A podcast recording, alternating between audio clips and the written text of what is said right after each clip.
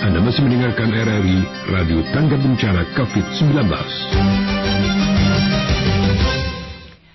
Ya, dan kita segera bersama di siaran pembinaan Bahasa dan Sastra Indonesia yang akan berlangsung sejam ya pendengar saat ini sampai di pukul 11 waktu Indonesia Timur.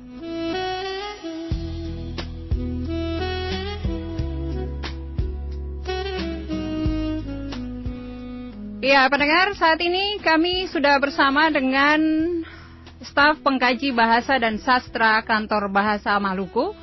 Ada Bapak David Triki Ricardo yang terhubung dengan kami melalui eh, jalur telepon. Saya coba menyapa beliau.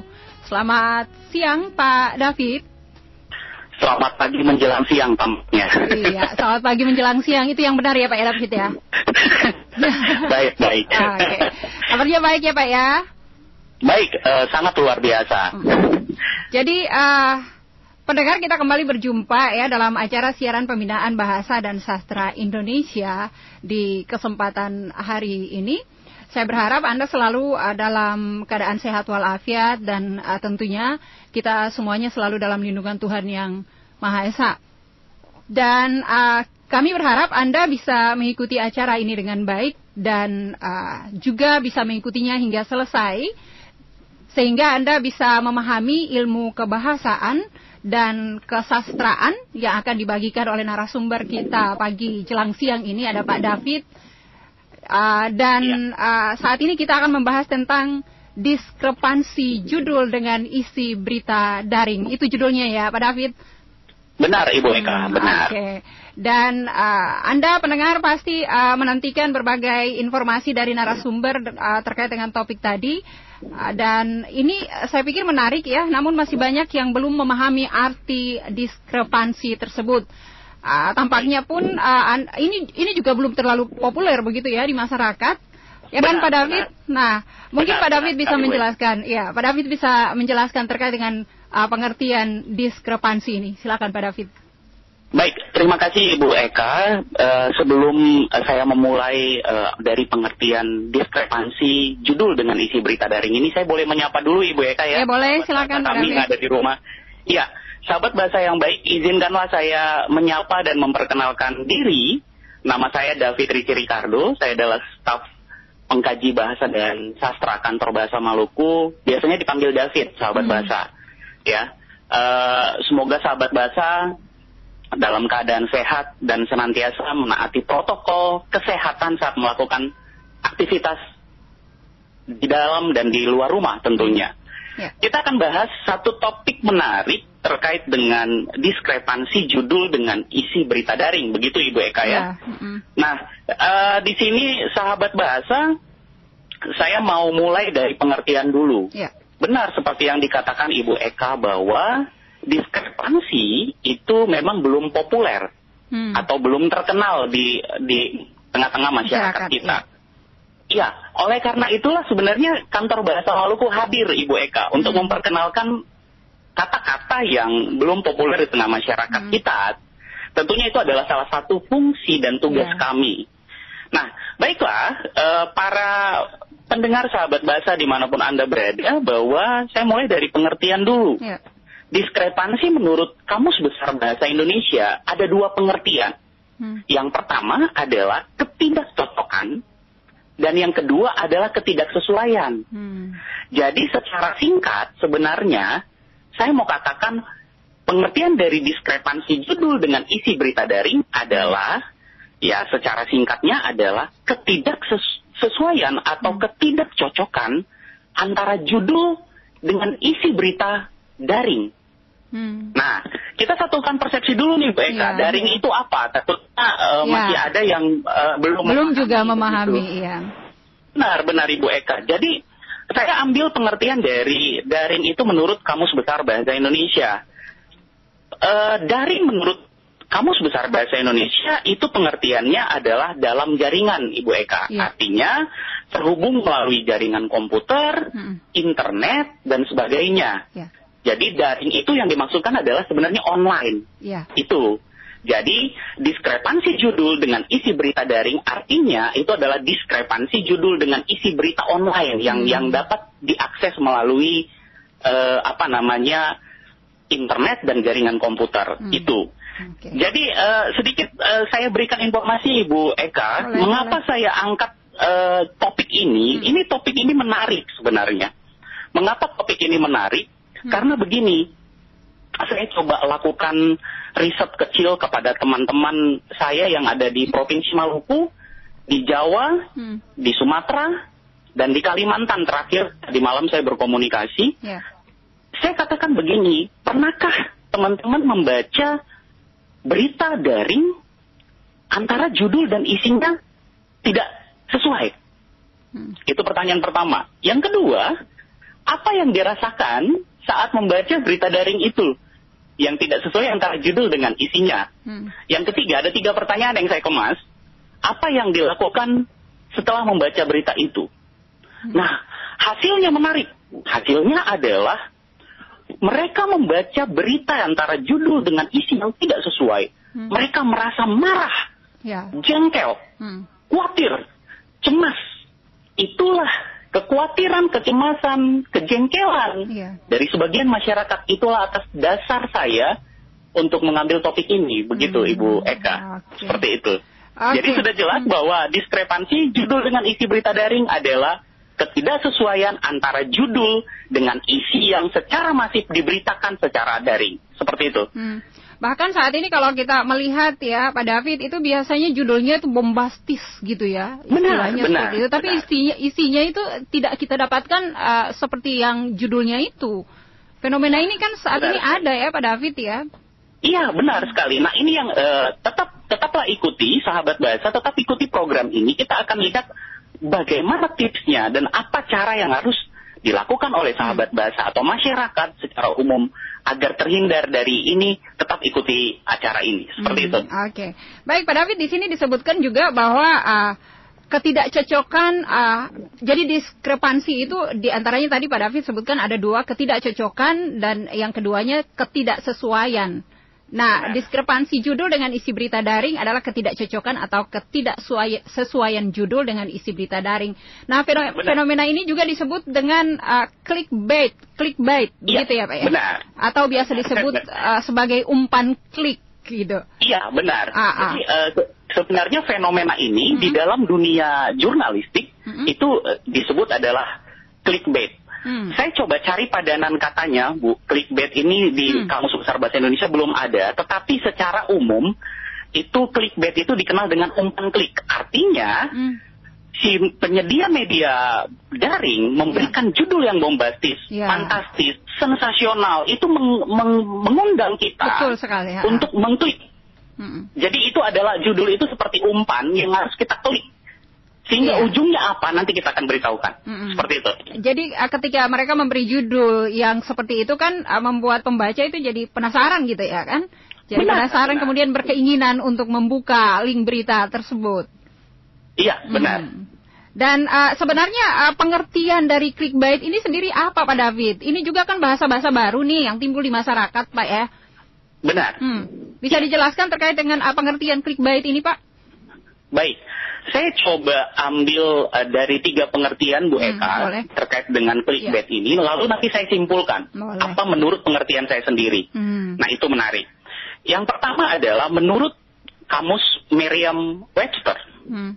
clickbait atau clickbait headline adalah headline atau berita utama Hmm. yang dirancang. Kita garis bawah ini, Ya. Bu Eka, dirancang Hmm. agar pembaca penasaran, Oh ya. Ingin mengklik hyperlink atau hypertaut yang terkait dari berita tersebut. Itu Hmm. menurut kamus Merriam-Webster. Oh ya. Yang kedua, pengertian yang kedua adalah dari Wikipedia. Saya coba ambil dari Wikipedia. Hmm. Clickbait adalah suatu istilah peyoratif yang merujuk kepada konten web yang ditujukan untuk mendapatkan penghasilan iklan daring. Nah, kita harus garis bawahi mendapatkan penghasilan iklan daring terutama dengan mengorbankan kualitas dan akurasi. Nah, itu yang tadi, Bu Ya. isi dengan judul eh, dikorbankan Hmm. tidak sesuai hanya demi mendapat penghasilan iklan daring. Nanti Hmm. saya akan jelaskan lebih dalam. Ya. Dengan bergantung kepada tajuk secara sensasional Hmm, betul. atau gambar mini Hmm. yang menarik mata guna mengundang klik tayang dan mendorong pen- penerusan ini ke apa? Ke media sosial yang kita miliki toh. Hmm. Semuanya kita sebar. Nah ini yang akan menarik. Nanti kita akan bahas satu persatu. Hmm. Dan yang ketiga, menurut uh, Small Biz Trends, itu dalam Gitian Putra tahun 2020, dikatakan begini, clickbait adalah konten di mana isinya dengan sengaja, kita garis bawahi lagi kata dengan sengaja, Ya. dengan sengaja dibuat seperti mengumbar janji dan disajikan dengan berita utama atau judul yang sens- sensasional, tetapi di satu sisi gagal menyampaikan ekspektasi implisit dari para pembacanya. Hmm. Ini yang yang parah sekali. Oke. Selanjutnya dari pengertian saya sendiri, ya, saya Iya, coba iya. ambil pengertian saya sendiri secara sederhana begini, Bu Eka, Ya. bahwa clickbait adalah saya katakan strategi. Hmm. Ini strategi. Iya. Ujung-ujungnya pasti akan profit, laba, Iya. untung. Betul. Ini, ini yang yang menarik. Strategi penyedia berita daring secara sengaja menarik perhatian pembaca Hmm. dengan menitik beratkan pada judul yang provokatif dan menarik dengan mengorbankan kualitas dan kebenaran isi berita yang bertujuan untuk meningkatkan tunjung- kunjungan terhadap web penyedia berita Ya. daring tersebut. Hmm. Namun pada kenyataannya itu kita seolah-olah terperangkap Hmm. antara isi dengan judul, Hmm. antara judul dengan isi itu sangat tidak sinkron, jauh Hmm. berbeda. Seperti agar agar pendengar kita mungkin lebih memahami lagi ada ada contoh nggak contoh contoh yang pernah didapatkan gitu bisa diberikan kepada pendengar begitu ya terkait dengan Iya. ini Baik, Eh, agar pendengar eh, memahami tentang clickbait ini, coba teman-teman eh, apa namanya, coba eh, ingat-ingat kembali Hmm. kapan terakhir kali untuk mengakses berita daring. Hmm. Lalu coba ingat kembali Iya. apakah teman-teman pernah merasa seolah-olah terhipnotis untuk mengklik satu judul berita, Hmm. namun isinya Hmm. tidak sesuai dan akhirnya para pembaca jengkel, marah, kecewa. Ah, iya iya Nah inilah kalau memang teman-teman atau sahabat bahasa merasa pernah seperti itu, Hmm. selamat datang di clickbait. Hmm, saya Itu. pernah mendapati itu ya Pak David Iya. judulnya Roma Irama tertabrak meninggal dunia Padahal isi beritanya Roma Irama orang yang punya nama Roma Irama tapi bukan Roma Irama yang penyanyi artis itu. Iya benar. Gitu. Iya, jadi kita seolah-olah terperangkap akan atau tersandra akan judul, namun Nah. isi beritanya belum tentu Ha-ha. eh, apa namanya judul itu merepresentasikan isinya. Satu lagi Ya. supaya lebih paham ya Bu Betul. Eka. Hmm. Coba kalau misalnya teman-teman atau sahabat bahasa di rumah melihat ini di dalam daring atau di web misalnya contohnya judulnya seperti ini. Lima cara membuat pasanganmu tetap setia. Iya. Nomor tiga bikin baper tanda seru. Misalnya, Iya.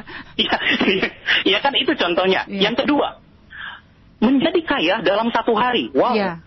menjadi kaya dalam satu hari, Iya, mm-mm. ya kan? Semua yang ketiga, ya. Iya, yang ketiga saya coba contoh berikan contoh biar cepat.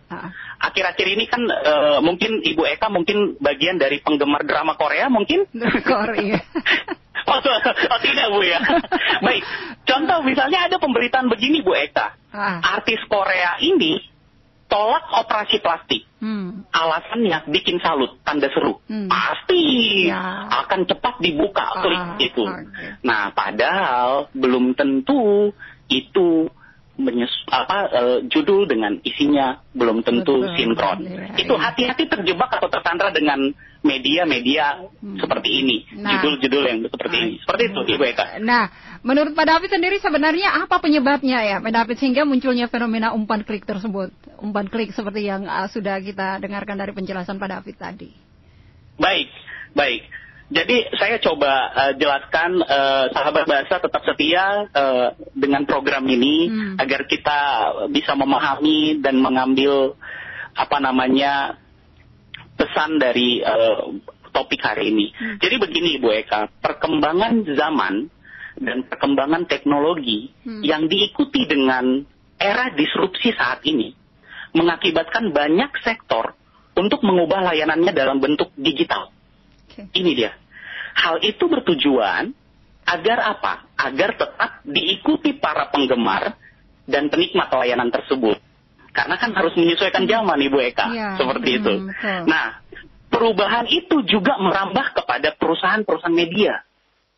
Perubahan tersebut membuat media konvensional yang ada saat ini mengubah pemberitaan berita secara daring sebagai jawaban atas tantangan dari perkembangan tersebut tentunya. Namun, dalam perjalanan perkembangan berita daring ditemukanlah fenomena umpan klik tadi. Ya. Nah, menarik nih Bu, Hmm. pada puncak perayaan Hari Pers Nasional tahun 2018. Ini diselenggarakan di Padang, ya, Hmm. pada saat itu Sumatera Barat. Ya. Ketua Dewan Pers mengatakan begini, yakni eh, Bapak Yosep Adi Prasetya. Dia mengatakan begini, Hmm. Negara Indonesia merupakan negara yang paling banyak memiliki media massa di dunia. Ya. Berapa jumlah media massa di Indonesia? 47 ribu, tidak tanggung-tanggung. Banyak ya. Banyak sekali Ibu Eka, 47 ribu media massa yang terdiri dari apa? 2 ribu media cetak, 674 radio, Hmm. 523 televisi, Hmm. dan selebihnya media daring. Ya. Berapa puluh ribu media daring yang setiap hari kita bisa akses.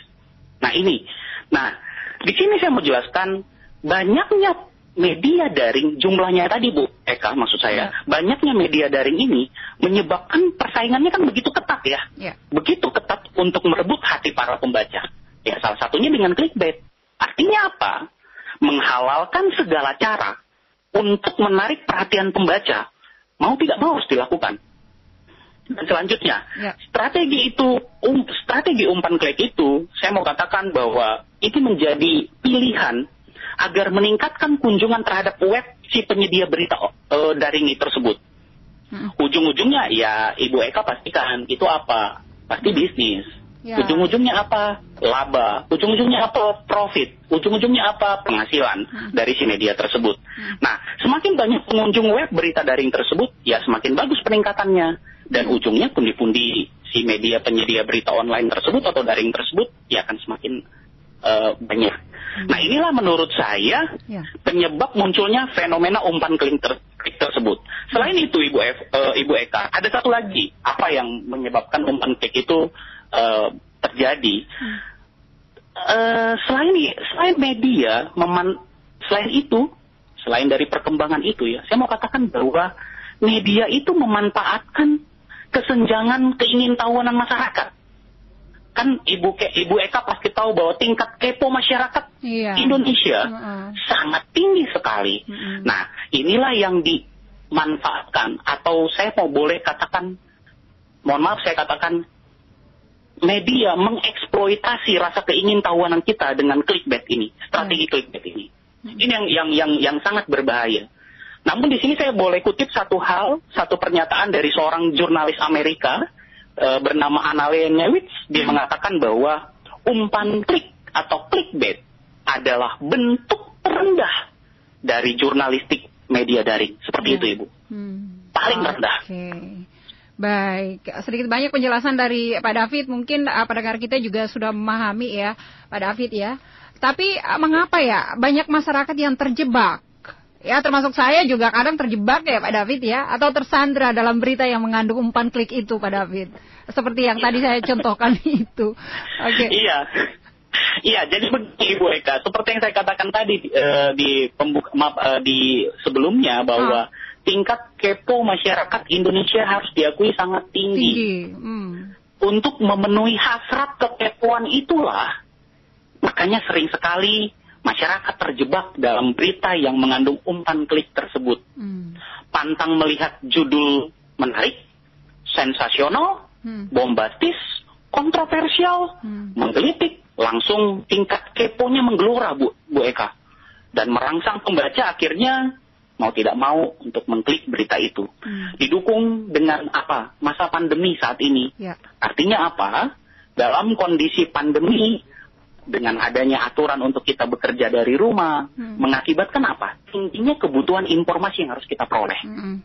secara daring. Ya. Ya, caranya sangat mudah Ibu Eka. Ambil gawai kita, akses berita uh, secara daring. Iya. Sangat mudah untuk memenuhi keingintahuan kita atau Mm. perkembangan informasi yang harus kita dapat. Betul. Nah, eh, faktor inilah yang menurut saya menjadi celah media untuk menggunakan fenomena umpan klik ini. Hmm. Seperti itu, Ibu Eka. Hmm, Memang benar ya, karena di rumah saja keingintahuan kita itu uh, lebih banyak, apalagi uh, seperti yang Pak David katakan ya bahwa uh, di masa pandemi seperti ini banyak orang mengetahui apa kabarnya pandemi sudah sampai di mana, berapa banyak Benar, yang benar. menjadi korban, banyak, berapa banyak yang sudah sembuh.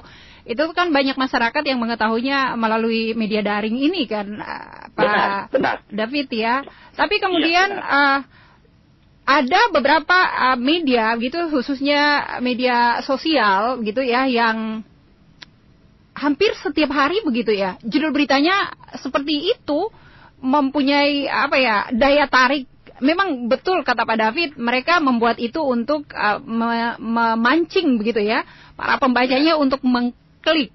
Tapi apakah ini uh, apa ya masyarakat ketika sudah mendapati pengalaman pertama mengklik kemudian isi beritanya tidak sesuai dengan judul misalnya dan kemudian berikutnya mendapati hal yang seperti itu nah apakah masyarakat itu tidak harus tidak belajar begitu dari uh, pengalamannya? Sudah mengklik ada uh, media online beberapa begitu yang harusnya kan sudah ditandai begitu bahwa aduh judul beritanya sama isi beritanya kan kadang uh, tidak sama begitu ya. Harusnya kan media-media online seperti ini kan sudah kita tandai begitu sehingga kendati mendapati judul yang uh, bisa kita bilang bombastis tapi isinya biasa-biasa saja begitu. Harusnya kan tidak diklik lagi tapi uh, kita masyarakat ini kan uh, pengennya itu penasar Ya. penasarannya itu kan yang membuat kita Ya, benar. berulang lagi berulang lagi mengklik ya yang sama begitu media yang sama padahal nanti mendapati isi beritanya juga yang seperti yang semula itu. Ini ini menurut Pak David bagaimana? Baik. Jadi eh, apa namanya? Saya coba seperti yang saya, saya tadi kan, saya, saya tadi katakan bahwa saya eh, selaku staf kantor bahasa Maluku, Hmm. Dr. Ya. M. Hum selaku kepala kantor bahasa kami selalu mengingatkan kepada kami semua untuk berbicara pakai data seperti Ya. itu. Hmm. Termasuk juga ada peneliti senior kami, Karin, uh, juga selalu mengingatkan saya untuk kalau mau meneliti bicara pakai data. Seperti yang saya katakan tadi, Hmm. Ibu Eka, bahwa saya melakukan riset kecil terhadap uh, teman-teman saya yang ada di Maluku, Hmm. di Pulau Jawa, di Kalimantan, dan di Sumatera. Hmm. Eh, sebenarnya seperti yang ibu katakan tadi bahwa sekarang tingkat literasi dan eh, kecerdasan kita sudah berbeda. Artinya begini, ketika membuka itu saya coba tanya apa yang kalian lakukan ketika membaca berita itu. Hmm. Yang dilakukan adalah melaporkan bahwa itu spam. Oh iya. Itu, Bu. Hmm. Artinya, artinya banyak yang terjebak, tetapi tidak yang memahami bahwa itu harus tidak dibaca lagi, Hmm. seperti itu. Hmm. Jadi, jadi eh, maaf ya, eh, saya mau katakan bahwa tingkat kecerdasan atau edukasi masyarakat seperti ini dengan cara menyiarkan seperti ini ini juga sangat penting agar masyarakat tidak terjebak ter- atau tersandra dengan berita-berita yang mengandung clickbait tadi, Ibu Ya. seperti itu. Saya akan coba jelaskan nanti secara lebih dalam lagi Ya, seperti itu. hmm, Oke, baik. Apa David? Kita tahan sebentar ya. Kita jeda dulu. Ada beberapa uh, ataupun satu buah lagu akan kami putarkan untuk mungkin Ya. pendengar saat ini nikmati dulu sebelum nantinya uh, kita akan balik lagi ya, Pak David untuk uh, pendengar yang mungkin saat ini uh, masih penasaran dengan penjelasan Pak David selanjutnya. Sebenarnya ini kan pasti ada ciri-cirinya kan Pak ya? Ciri-cirinya, kemudian mungkin juga uh, terkait dengan mungkin di era saat ini kita lebih mengetahui atau kita mendapati banyak sekali uh, berita-berita hoax. Ini juga mungkin uh, Pak David uh, sedikit menjelaskan ya uh, di sesi Baik, berikutnya kepada pendengar. Baik. Uh, ya, kami berharap Pak David tetap di sini. Pendengar juga kami akan ajak Anda untuk mengikuti acara ini uh, selanjutnya. Namun uh, kita jeda sebentar untuk mendengarkan yang berikut ini. Anda masih mendengarkan RRI Radio Tangga Bencana COVID-19.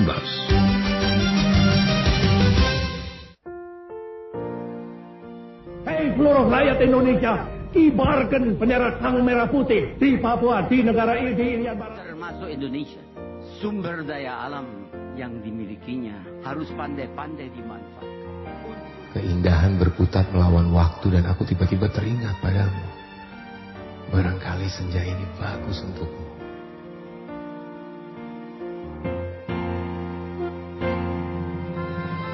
Kekokohannya mampu menyatukan keberagaman bangsa. Keindahannya mampu meluluhkan keberagaman hati yang mendengarnya. Dan keteguhannya mampu membawa negeri ini bersatu dalam bineka tunggal ika. Itulah bahasa Indonesia.